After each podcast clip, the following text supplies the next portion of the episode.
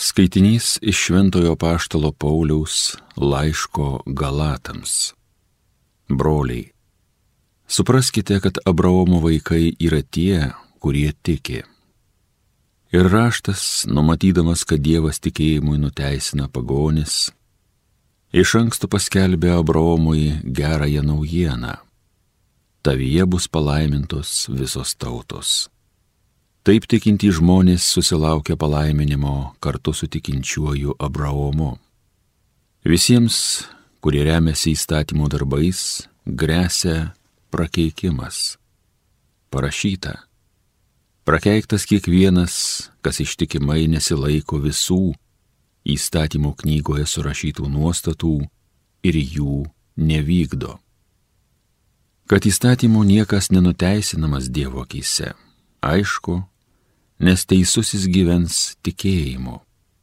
O įstatymas nėra kilęs iš tikėjimo, nes kas juos vykdo, tas gyvens jais. Kristus mus atpirko iš įstatymo prakeikimo, tapdamas už mus prakeikimu, nes parašyta. Prakeiktas kiekvienas, kuris kybo ant medžio. Šitai per Jėzų Kristų pagonims atiteko Abraomo palaiminimas ir mes tikėjimu gavome pažadėtąją dvasę. Tai Dievo žodis.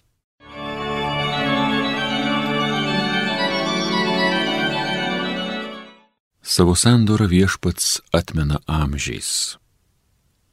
Visa širdimi Dievui dėkosiu, teisingųjų tarpe didžioje jų bendryjoje. Didingi viešpaties kūriniai, nuostabus tiems, kas juos myli.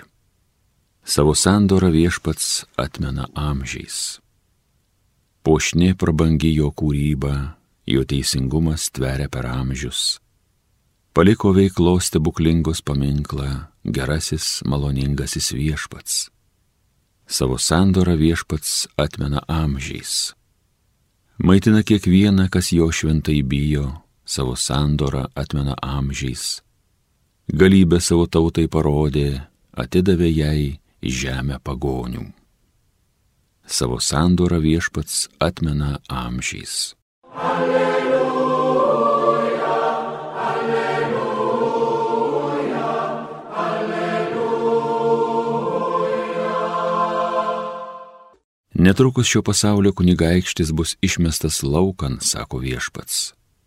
O aš, kai būsiu pakeltas nuo žemės, visus patrauksiu prie savęs. Iš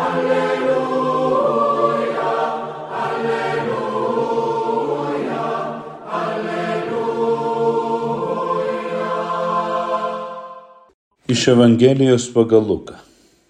Jėzui išvarius demoną, kai kurie žmonės sakė, jis išvaro demonus su demonų valdovo Belzebulo pagalba. Kiti mėgindami jį reikalavo ženklo iš dangaus. Žinodamas, ką jie mano, Jėzus jiems tarė. Kiekviena suskilusi karalystė bus sunaikinta ir namai grius ant namų. Jeigu ir šetonas pasidalyjas, tai kaip išsilaikys jo karalystė? Jūsgi sakote mane išvien demonus su Belzebulo pagalba. Jeigu jau aš išvarau juos su Belzebulo pagalba, tai su kieno pagalba išvaro jūsų sekėjai. Todėl jie bus jūsų teisėjai. Bet jei aš išvėjau demonus Dievo pirštu, tai tikrai pas jūs atėjo Dievo karalystė. Kaip siginklavės galiūnas sergi savo sodybą, tada jo turtas apsaugotas. Bet jei užpuls stipresnis ir jį nugalės, tai atims jo ginklus, kuriais tas pasitikėjo ir išdalys grobę. Kas ne su manimi, tas prieš mane, ir kas nerenka su manimi, tas barsto.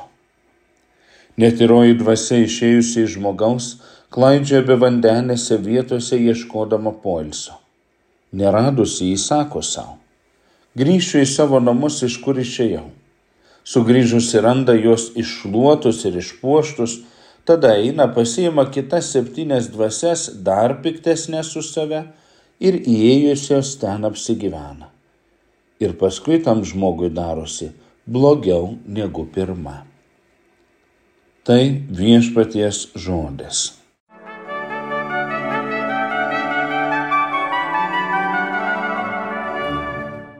Šios dienos Evangelijos ištrauka geriau tiktų paaiškinti vyskupui arba jo paskirtam kunigui egzorcistui. Juk kalba eina apie demonus ir jų išvarimą. O tai šiandienos bažnyčioje tarnystė rezervuota vyskupui arba jo įgaliotam kunigui egzorcistui. Svarbi tarnystė, nes demonai iš šio pasaulio niekur nedingo Ji yra šio pranykstančio pasaulio pranykstanti dalis. Jie Dievo kūriniai, bet laisvai pasirinkę būti Dievo priešais. Ir nors negali Dievo nugalėti, bet savo melu kuria iliuziją, kad yra tikrieji šio pasaulio viešpačiai ir nugalėtojai. Belzebulas yra demonų valdovas arba šetonas. Bet net ir blogija yra galios hierarchija. Tad nusprendę neklausyti Dievo demonai, vis tiek turi paklusti Belzebului. Jėzus primena, kad Dievo pirštas visuomet geba parodyti demonams jų tikrąją vietą. Tačiau mums pasaulyje reikia nuolat siekti įsikipti į Dievo ranką kad jo pirštas galėtų saugoti ir mūsų tikėjimo kelionę link Dievo pergalės įsipildymo amžinajame gyvenime Dievo karalystėje. Yra labai svarbu, kuo apsiginkluojame, kad mūsų sielos turtas būtų apsaugotos. Viena iš praktinių sielos apsaugos priemonių - rožinio malda. Juk visą spalio mėnesį ir ne tik, bet ypač šiandien rožinio švenčiausios mergelės Marijos šventėje kalbame šią galingą maldą. Pats rožinis nėra nei koks talismanas, nei savaiminė apsaugos priemonė. Rožinio maldoje saugo pati malda kurioje kreipiamės į Dievo motiną Mariją ir apmastome jos ir ypač jos sunaus žmogumi tapusio mūsų viešpatės Jėzaus Kristaus gyvenimą, kančią, mirtį, prisikelimą ir išaukštinimą. Ši širdies ir minties malda pakelėja mūsų sielą į Dievo ir šventųjų prieglopsti, o taip pat padeda įjungti ir mums rūpimas sielas bei reikalus kas nepažįstame arba nebeprisimename, kokia tai malda ir kaip ją melstis, manau, yra nemažai galimybė asmeniškai ar bendruomeniškai susipažinti ir išmokti. Galiausiai rožinis yra tas ginklas, kurį dažniausiai įdedame mirusiems mūsų artimiesiems į rankas. Tačiau jeigu jam ar jai ta malda būnant gyvam nebuvo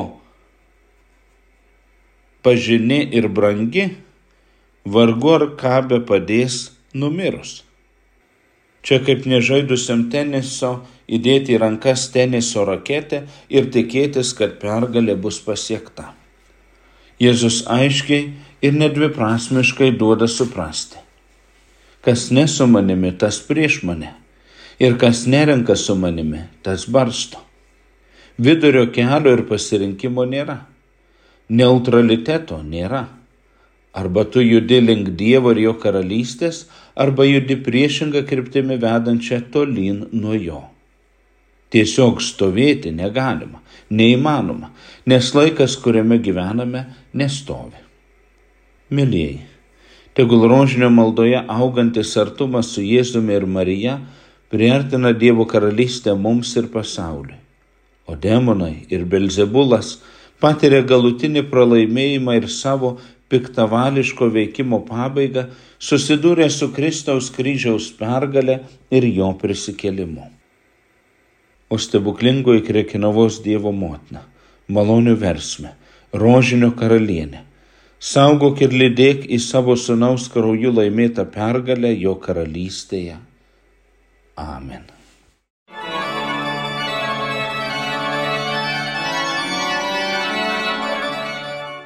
Homilija sakė teologijos mokslų daktaras kunigas Gediminas Jankūnas.